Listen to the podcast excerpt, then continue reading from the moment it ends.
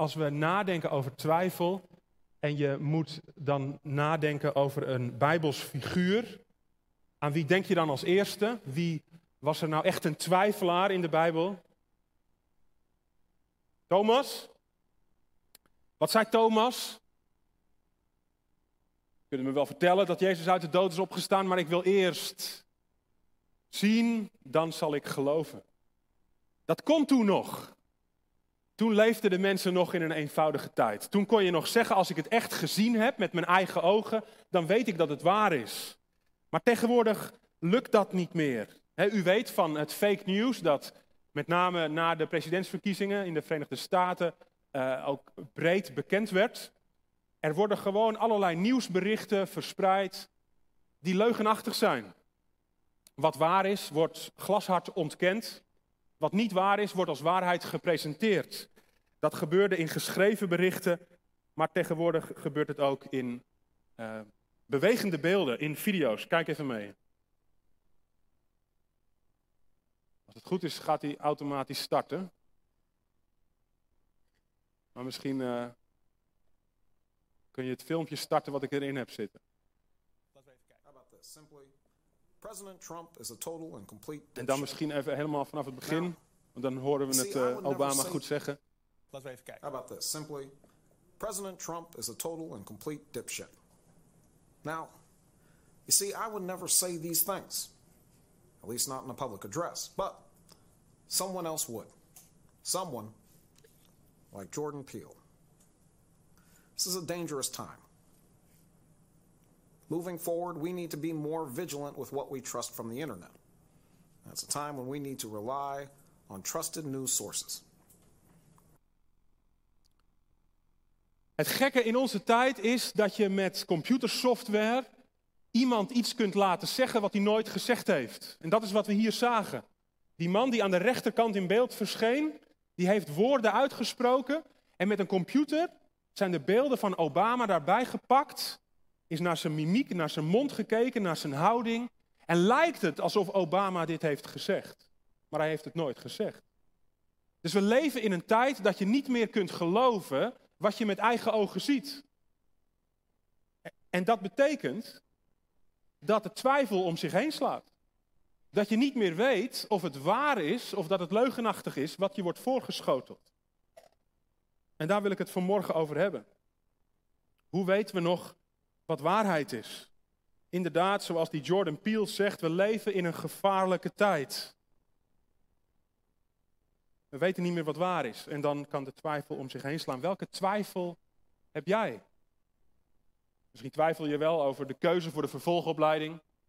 Misschien twijfel je over een man of vrouw in je leven. De relatie die je bent aangegaan, of je daar wel mee door moet. Of dat je die relatie überhaupt wel moet gaan starten. Misschien twijfel je over de plek waar je je werk doet. Zit ik hier nog wel goed? Mag ik hier wel blijven?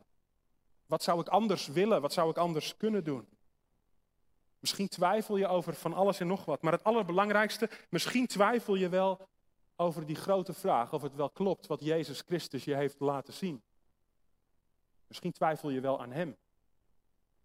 Misschien heb je wel twijfels bij dat geloof dat Jezus inderdaad aan dat kruis gestorven is, uit de dood is opgestaan en nu de Heer van jouw leven wil zijn. Misschien twijfel je wel omdat je ziek geworden bent. En dat wonder waar je om gevraagd hebt niet is gebeurd. Misschien twijfel je wel over die vraag: hoe moet ik mijn leven dan inrichten voor Jezus? Wat levert het me op? Daar wil ik met jullie over nadenken vanmorgen. En dat doen we met elkaar vanuit Matthäus 28, die laatste paar versen. Hele beroemde versen. Dit is wat we de grote opdracht noemen. Matthäus 28, vers 16 tot en met 20.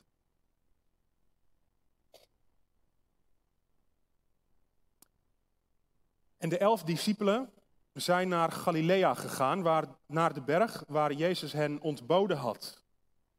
En toen zij hem zagen, aanbaden zij hem, maar sommigen twijfelden. En Jezus kwam naar hen toe, sprak met hen en zei: Mij is gegeven alle macht in hemel en op aarde. Ga dan heen, onderwijs al de volken hen dopend in de naam van de Vader en van de Zoon en van de Heilige Geest, hun lerend alles wat ik u geboden heb in acht te nemen. En zie, ik ben met u al de dagen tot de voleinding van de wereld.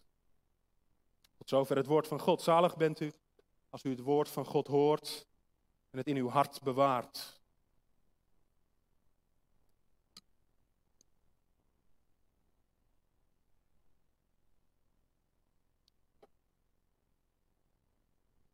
Als we naar die tekst kijken, dan is het eerste wat ons opvalt dat de leerlingen twijfelden. Jezus is opgestaan uit de dood en de leerlingen hebben dat meegemaakt. Ze hebben hem na zijn opstanding ontmoet. En de, de, de situatie die we dan aan het slot van Matthäus 28 tegenkomen, die is een vervolg daarop. Ze hebben elkaar ontmoet en ze hebben afgesproken dat ze elkaar opnieuw zouden ontmoeten in Galilea. Op de berg. Waarschijnlijk de berg van de zaligspreking. Daar gaan ze naar terug en daar ontmoeten ze Jezus. En ze weten, hij is uit de dood opgestaan. Dus ze vallen op de knieën voor hem, ze aanbidden hem. En dan staat er als een, een soort bijzinnetje in het uh, tweede deel van vers 17, maar sommigen twijfelden. Sommigen twijfelden. Als je iemand die Grieks geleerd heeft, vraagt om dit vers letterlijk te vertalen, dan is de kans groot dat hij dat woordje sommige helemaal niet in zijn vertaling opneemt. Belangrijkste reden daarvoor is dat het woordje sommige in het Grieks niet staat. Dat is interessant, hè? Die leerlingen, die elf leerlingen die overgebleven zijn, hè, Judas was vertrokken, die elf die aanbidden Jezus en zij twijfelden, of maar zij twijfelden. Ja, hoe komt de herziene statenvertaling, hoe komen andere vertalingen dan toch aan dat woordje sommige of enkele? Nou, in het Grieks is het zo dat je een bepaalde constructie waar contrast in naar voren komt, dat je die mag gebruiken om dat woordje sommige toch in te voegen. Dat dat wel bedoeld is. En aanbidding en twijfel, dat is contrast. Dus op basis van die regels zou je dan dat woordje sommige hier inderdaad mogen invoegen. Maar ik wil u vanmorgen de gedachte uh, aanreiken dat het woordje sommige hier niet hoort. En ik heb daar twee belangrijke redenen voor. In de eerste plaats, en dat is een aanvulling op het feit dat het niet expliciet genoemd wordt. In de eerste plaats, als Matthäus het woordje sommige had willen opnemen in zijn tekst, dan had hij daar gewoon een Grieks woord voor gehad.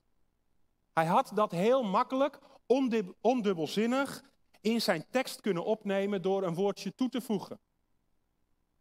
En dan was het niet meer die twijfel, moet het er nou wel, moet het er nou niet staan, maar dan stond het er gewoon. Maar dat heeft hij niet gedaan. Bewust niet gedaan. Waarschijnlijk omdat ze alle elf twijfelden.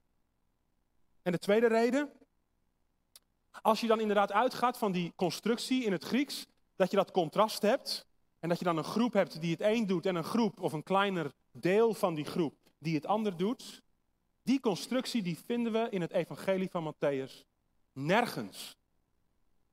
Dus Matthäus gebruikt dat, die, die taal, die gebruikt zo'n contrast, gebruikt die niet om slechts een deel van de groep aan te duiden. En dan moet je de conclusie trekken dat het waarschijnlijker is dat Matthäus het zo bedoelt, zonder dat woordje sommigen.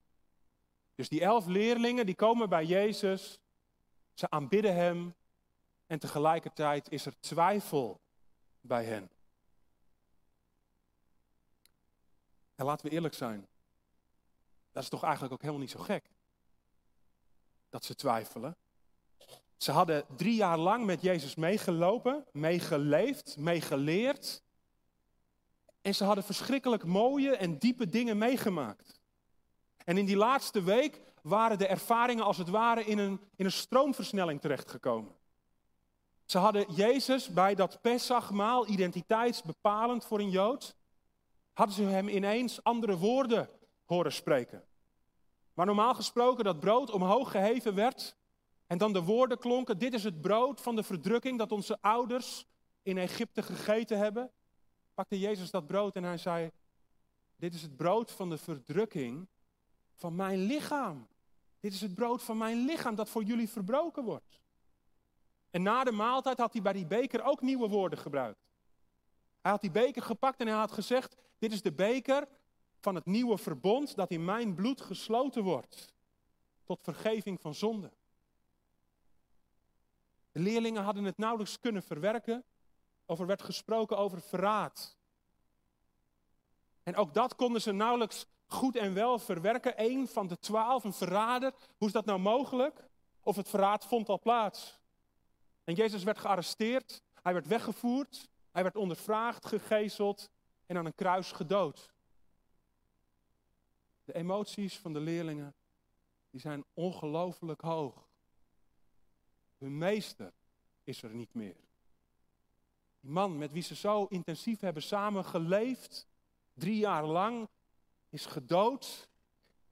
En alle dromen die ze hadden, die zijn in duigen gevallen. Ze hadden van Jezus verwacht dat hij de Romeinen het land uit zou gooien, dat hij de troon van Israël zou opeisen. We hoorden de opening van de dienst dat die verwachting nog steeds leeft als, als het boek Handelingen begint en Jezus uit de dood opgestaan is. Maar op het moment dat hij gestorven is, zijn al die verwachtingen de grond ingeboord. Het toekomstperspectief is ineens weer radicaal anders. Maar zelfs die emotie, die kunnen ze nauwelijks verwerken of die moet alweer plaatsmaken voor nieuwe emotie, want Jezus blijkt uit de dood opgestaan. En na die vluchtige korte ontmoeting ontmoeten ze hem dan op de berg in Galilea. En dan aanbidden ze, want ze zien wel, hij is uit de dood opgestaan. Hij was aan dat kruis genageld, in dat graf gelegd. Maar kennelijk leeft hij. Kennelijk is het, is het helemaal, helemaal de plek om hem ook te aanbidden. Maar hoe we hiermee verder moeten, we weten het niet. Is het gek dat de leerlingen twijfelen? Volgens mij niet. twijfel is helemaal op zijn plaats. Maar wat is de twijfel precies waar ze mee te maken hebben? Dan ga ik u weer over Grieks vertellen. Ik hoop dat u uh, aan het eind van de dienst denkt, nou het viel eigenlijk allemaal nog wel mee met dat Grieks. Maar het woord wat hier gebruikt wordt, er zijn meer woorden in het Grieks om twijfel aan te duiden. Maar het woord dat hier gebruikt wordt, is een samengesteld woord uit twee delen. Het is het werkwoord distazo. En ik heb het een klein beetje uh, duidelijk gemaakt. Dat woordje die, dat is een verkorte vorm voor twee of dubbel. En stazo, dat is het werkwoord voor staan. Dus het is alsof je op twee gedachten staat. Wij hebben de uitdrukking op twee gedachten hinken. Dat is eigenlijk wat er met die leerlingen aan de hand is. En het is opvallend. Er zijn meerdere werkwoorden, zei ik al, die twijfel uitdrukken in het Grieks. Maar dit werkwoord vinden we maar op één andere plaats in het Nieuwe Testament. En daar wil ik even met u naartoe. Dat is Matthäus 14. In Matthäus 14, ik ga lezen vanaf vers 28. De achtergrond is zo dat Jezus met de leerlingen vertrokken is naar een eenzame plaats. Aan de andere kant van het meer, van Galilea. En de menigte heeft hen daar toch gevonden. En Jezus heeft de, wonder, de eerste wonderbare spijziging uitgevoerd. En dan, als dat achter de rug is, dan stuurt hij de leerlingen in de boot het meer op. Ze moeten vast naar de overkant varen. En Jezus stuurt dan de menigte weg en reist vervolgens achter de leerlingen aan. Hij gaat te voet het meer over. Ondertussen is er een storm losgebarsten op dat meer. En de leerlingen zitten in die boot. Ze ervaren dat ze het schip ingegaan zijn. En Jezus loopt over het water naar ze toe. En met dat Jezus in beeld komt, denken ze: dit is een spook. Ze worden bang, maar Jezus stelt ze gerust. Jezus maakt duidelijk dat Hij het is. En dan lezen we in vers 28. Petrus antwoordde hem en zei: Heere, als u het bent, geef mij dan bevel over het water naar u toe te komen. Hij zei: Kom. En Petrus klom uit het schip en liep op het water om bij Jezus te komen. Maar toen hij op de sterke wind lette, werd hij bevreesd. En toen hij begon te zinken, riep hij: Heere, red mij. Jezus stak meteen zijn hand uit, greep hem vast en zei tegen hem: Kleingelovige, waarom hebt u getwijfeld? En toen zij in het schip geklommen waren, ging de wind liggen. Zij die in het schip waren, kwamen hem aanbidden en zeiden: Werkelijk, u bent de zoon van God. Opnieuw zien we hier de leerlingen aanbidden, maar opnieuw zien we ook dat er twijfel is. Twijfel nu alleen bij Petrus. Maar denk even met me mee. Als Petrus Jezus over dat water ziet lopen en tot de conclusie gekomen is dat het niet een spook is, maar dat het Jezus is, en het dan uitroept, uh, hij zegt in vers 28, als u het bent, geef mij dan bevel over het water naar u toe te komen. Is dat een uitspraak van twijfel of is dat een uitspraak van geloof? Nou, dat is van geloof toch? Je laat het toch niet in je hoofd doordringen om naar Jezus toe te gaan over het water als je daar geen geloof voor hebt. En als hij dan op de rand van de boot klimt en hij ziet de golven en hij ziet Jezus en, en hij staat op die rand, hij wil uit de boot stappen, is dat dan een daad van twijfel? Of is dat een daad van geloof? Je gaat toch niet als je twijfelt die zee op? Petrus barst van het geloof. Waarom? Omdat hij verlangen heeft om bij Jezus te zijn. Hij ziet Jezus over het water gaan en hij denkt, daar moet ik zijn. Niet vanwege het water, niet vanwege de storm, maar vanwege Jezus. En dus stapt hij in geloof uit de boot. En hij loopt naar Jezus toe, de ogen gericht op Jezus. Maar dan staat er in vers 30 ineens. Maar toen hij op de sterke wind lette, werd hij bevreesd. Hij ziet ineens niet alleen meer Jezus. Maar hij ziet om Jezus heen de sterke wind. De sterke wind die maakt dat de golven hoger worden en hoger. Die sterke wind die hem eigenlijk de boodschap geeft. Petrus, op dit moment is er maar één plek waar je veilig bent. En dat is niet op het water. Dat is in de boot. Red mij. Dat is de twijfel waar in Matthäus 14, maar ook waar in Matthäus 28 sprake van is. De dubbele gedachte. Zo is het ook bij de elf. Ze aanbidden Jezus wel, maar ze weten niet goed hoe het verder moet. Wat betekent dit nu eigenlijk dat hij uit de dood is opgestaan? Wat betekent dit voor ons leven? Hoe moeten we daarmee verder? Hoe moeten we daarop reageren?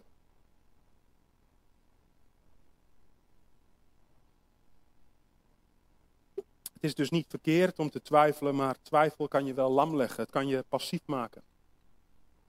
En daarom wil ik je drie adviezen geven hoe je goed met twijfel kunt omgaan.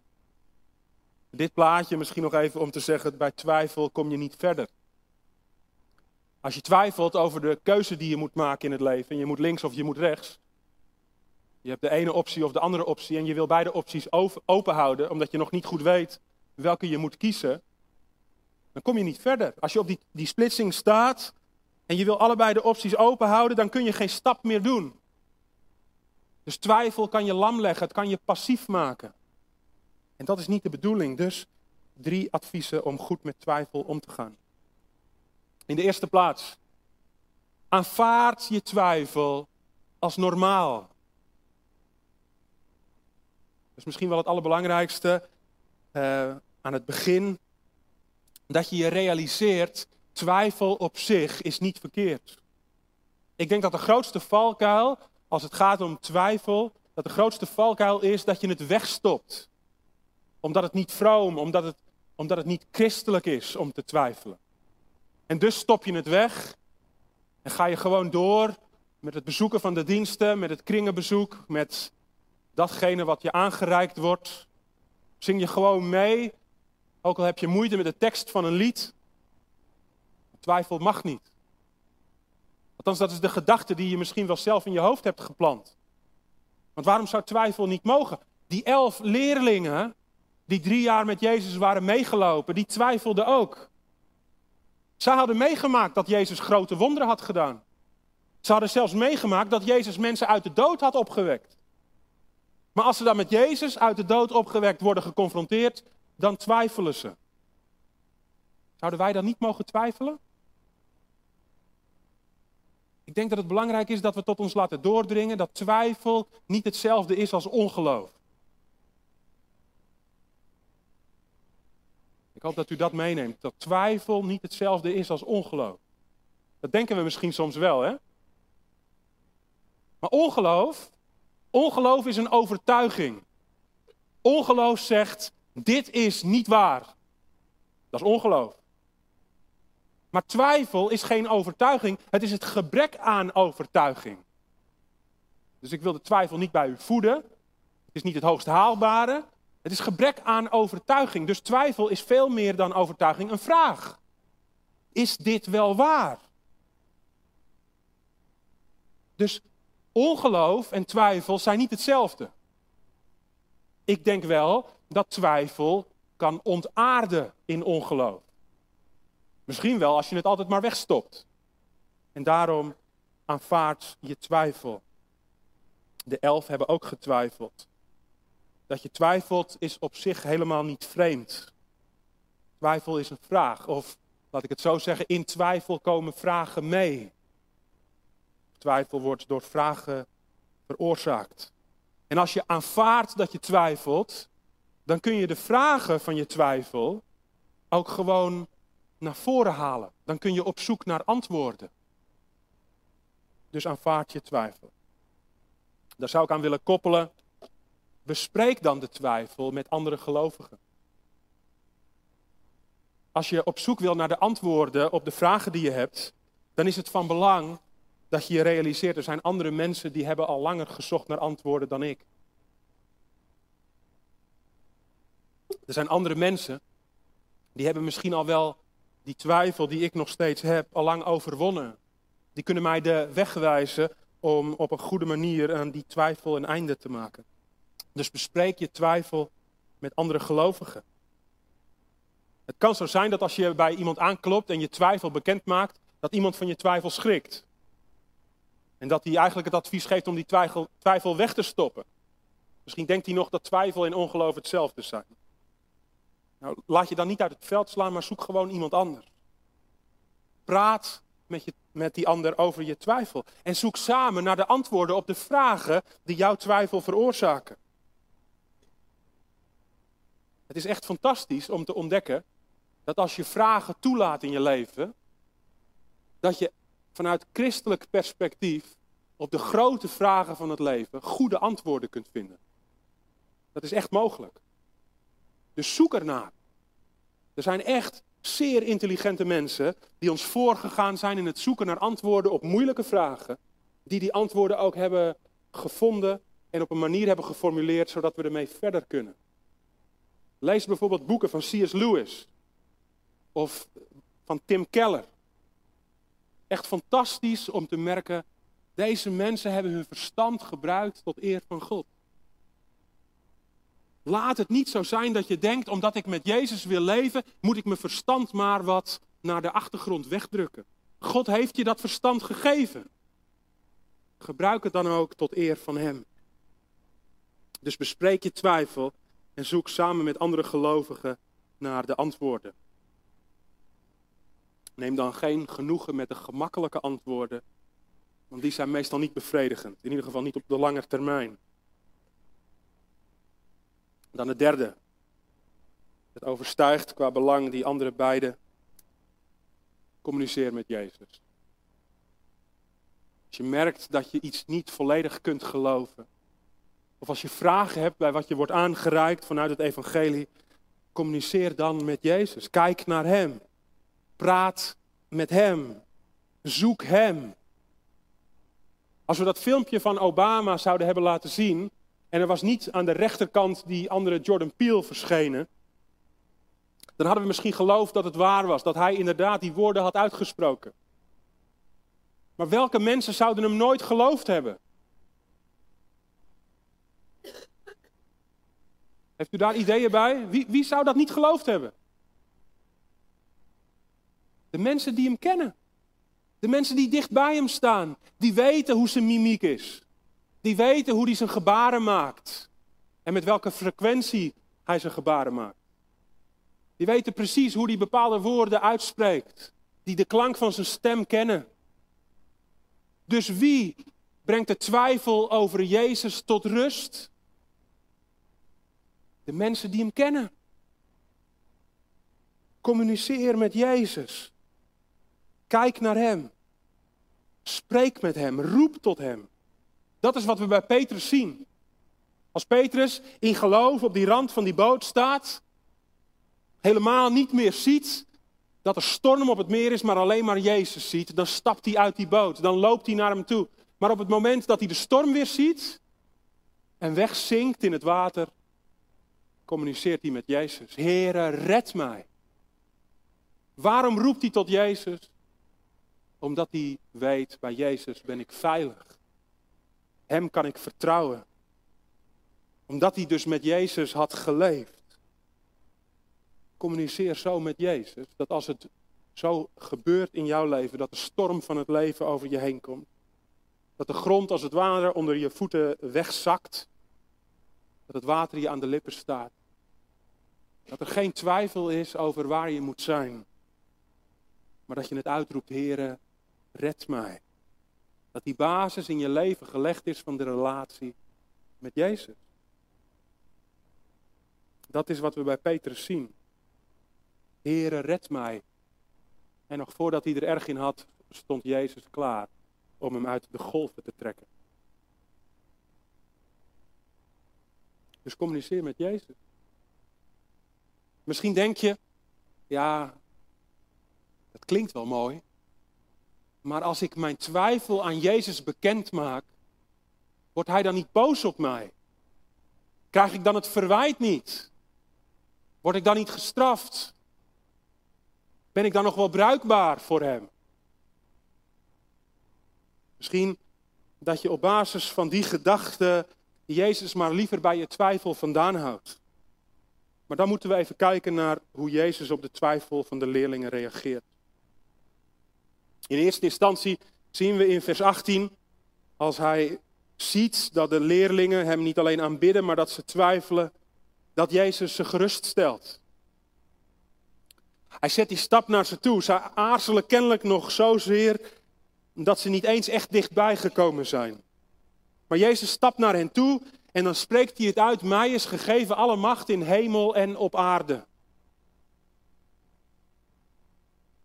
Als je nou bang bent dat er iemand is die groter en sterker is dan jij. Als je nou bang bent dat overgave aan Jezus betekent dat je misschien wel door die ander weggezet wordt, belachelijk gemaakt.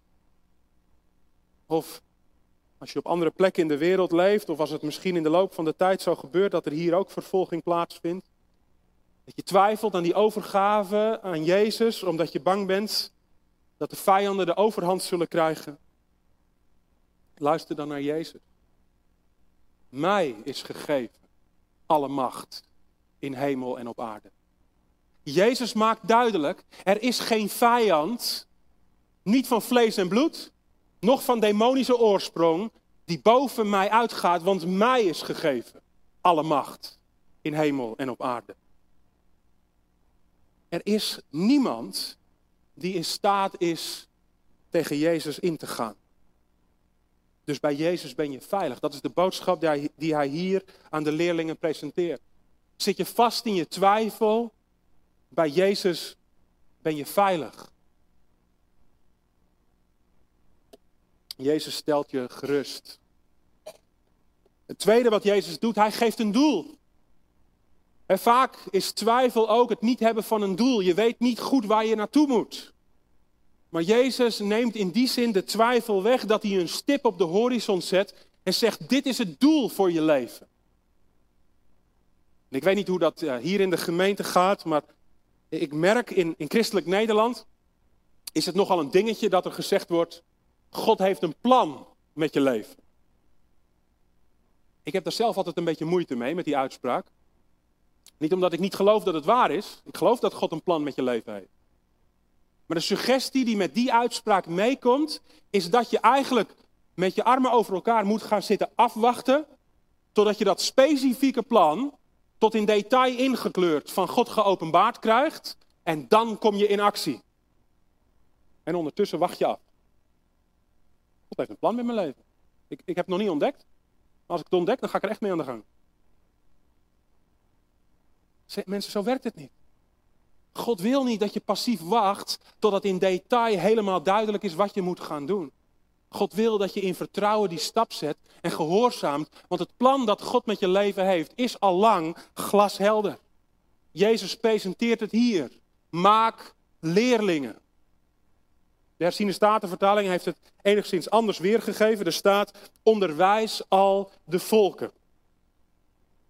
Andere vertalingen geven weer, maak leerlingen. Dat is de opdracht.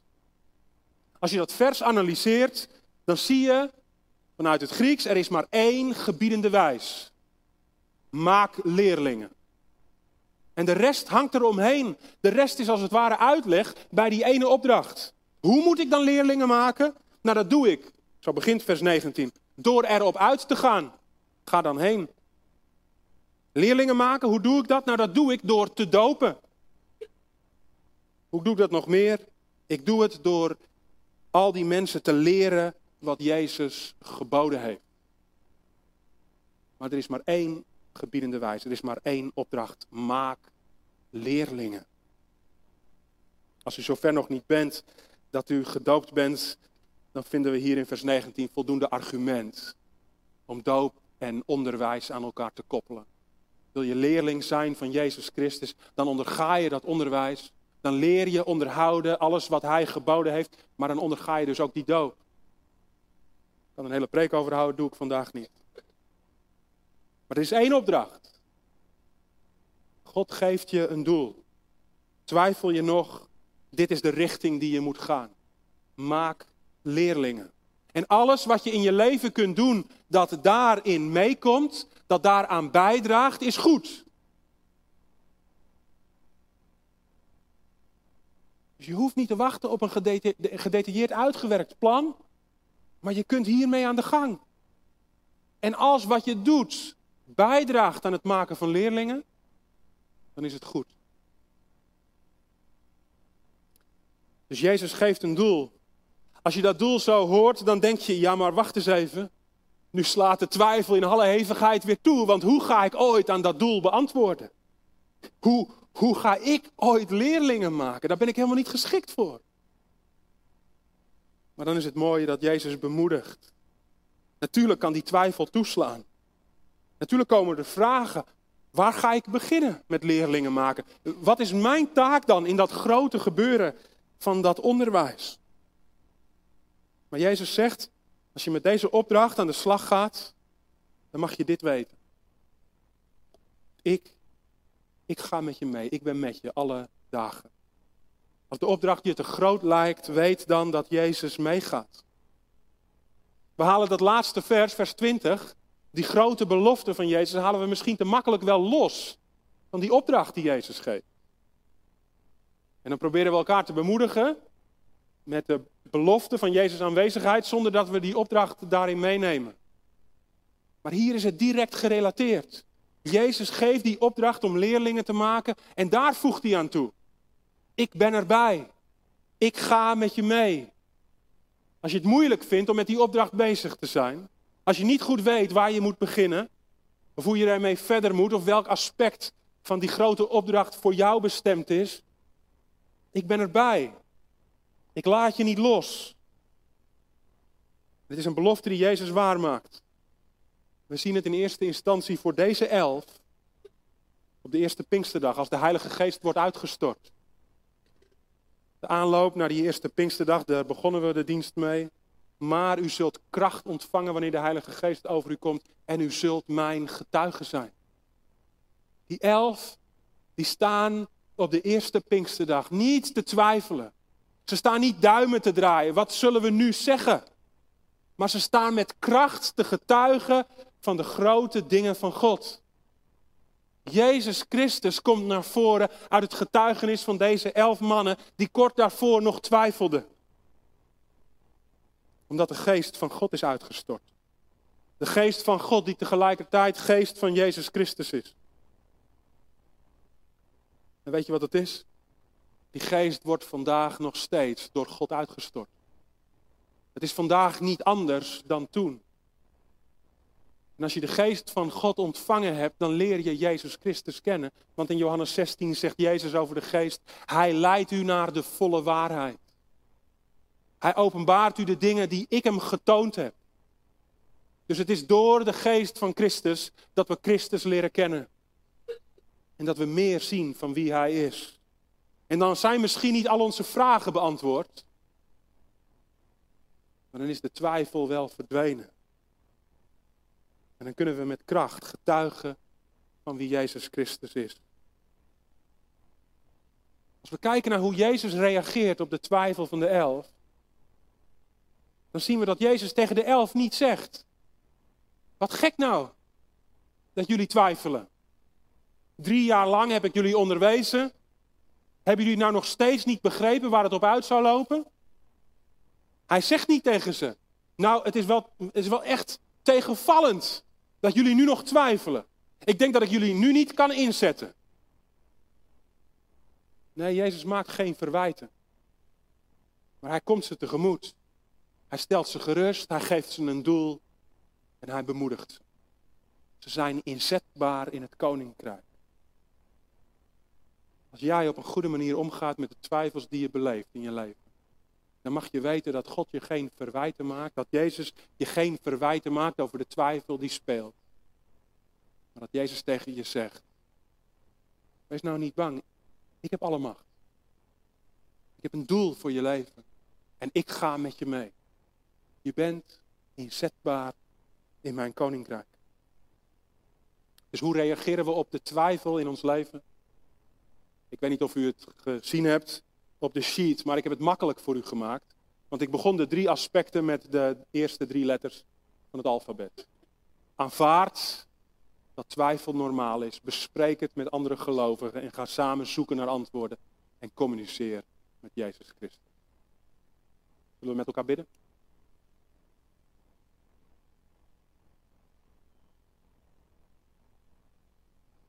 Vader in de hemel, we willen u danken voor wie u bent.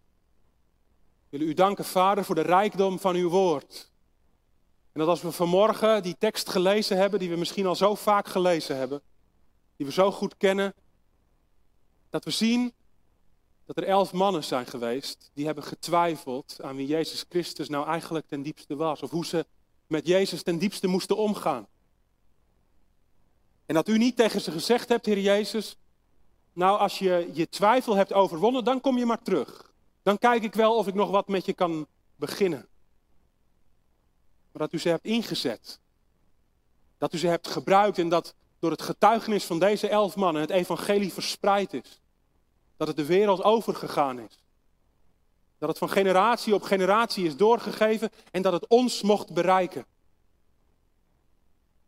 Vader, mag het zo zijn dat we dan voor onszelf, in ons eigen leven, ons niet laten beperken, niet laten lam leggen door twijfel, door vragen waar we misschien geen antwoord op hebben.